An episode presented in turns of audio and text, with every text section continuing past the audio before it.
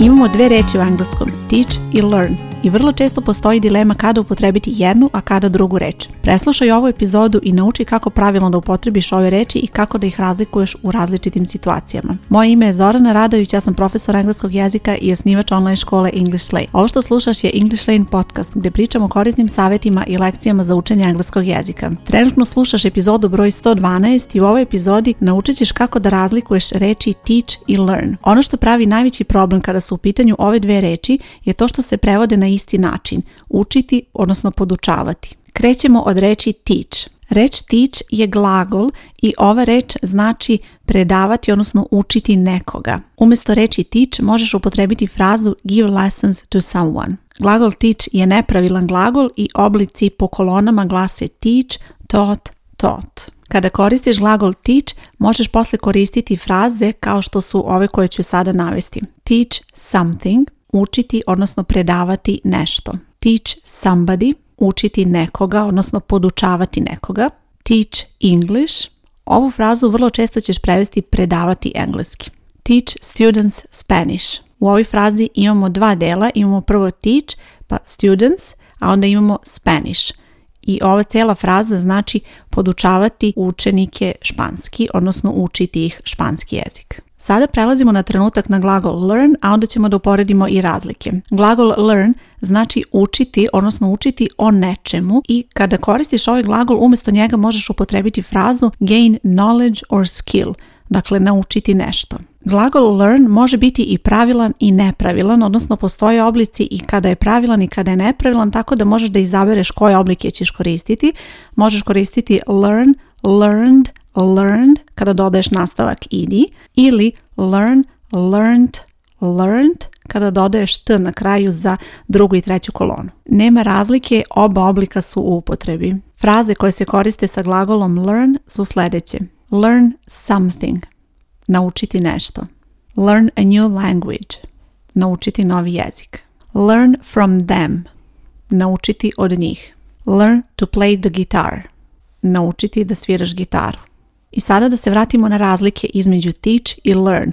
Vrlo je bitno da obratiš pažnju na značenje glagola da bi onda uspela da upotrebiš ovaj glagol pravilno u rečenici. Kada koristiš teach, koristiš ga u situaciji kada ti podučavaš nekoga ili kada osoba podučava nekoga, a learn koristiš u situaciji kada ti učiš, odnosno kada osoba uči od nekoga, odnosno o nečemu. To je vrlo bitno da zapamtiš jer postoji razlika, odnosno to će ti pomoći da odrediš koji od ova dva glagola da upotrebiš. Kada želiš da kažeš učiti na engleskom, vrlo je bitno da razumeš taj kontekst da bi uspjela da upotrebiš odgovarajući glagol. Nemoj koristiti bukvalno prevođenje, dakle rečenicu koju imaš, nemoj bukvalno prevoditi, već razmišljaj o značenju i koji oblik glagola učiti želiš da upotrebiš. Da li osoba uči o nečemu ili osoba podučava nekoga, jer to će biti glavna razlika koji glagol da upotrebiš. Odmah sve ovo preslušaj i na primjeru. She works in a school.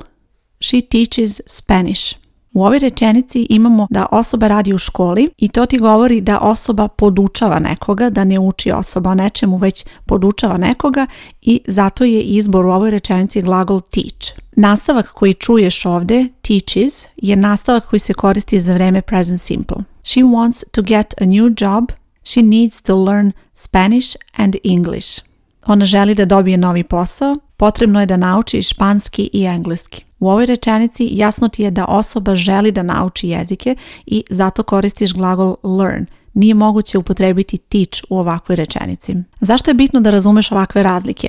Ove reči deluju na izgled kao da su sinonimi, kao da imaju isto značenje, ali zapravo nemaju i zato je bitno da razumeš šta one znače tako da možeš da ih upotrebiš u odgovarajućim situacijama. Ovakve nedoumice su česte kada učiš engleski jezik i to je nešto što sam vidjela u zadacima koje pregledam u mojoj školi i baš sam nedavno imala rečenicu gdje je osoba napisala I learn my kids grammar. U ovoj situaciji osoba je žela da kaže da podučava svoju decu gramatiku, odnosno da zajedno su radili neki domaći zadatak i bilo je lepo napisana rečenica osim tog jednog glagola gdje nije bio dobar izbor glagola.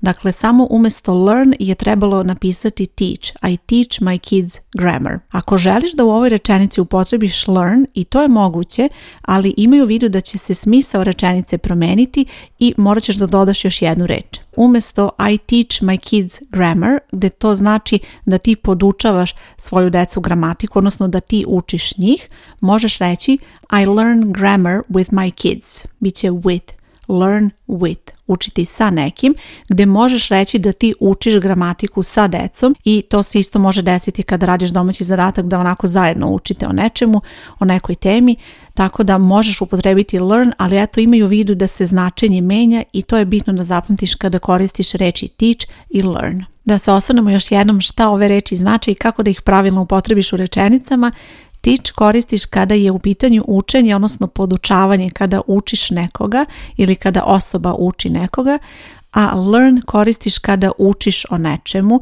kada saznaješ o nekoj temi i tada u toj situaciji koristiš learn. U engleskom postoji još ovakvih reči koje izazivaju nedoumice koje na deluju slično, ali postoje razlike kada se koja koristi i na ovoj stranici gdje slušaš podcast ja ću ostaviti linkove ka tim epizodama koje možeš da preslušaš i da naučiš i te razlike. Ako si polaznica moje škole, na ovoj stranici gdje slušaš podcast, osim lekcija dodatnih na ovu temu, bit će i nekoliko vežbanja koje možeš uraditi gdje su baš reči koje izazivaju nedoumice, a ukoliko nisi član English Lane škole, a želiš da to postaneš, na ovoj stranici gdje slušaš podcast za tebe će biti link gdje možeš pogledati više o školi ili možeš potražiti English Lane online škola i tu ćeš pronaći sve detalje o školi, kako funkcioniše i kako možeš i ti da se prijaviš.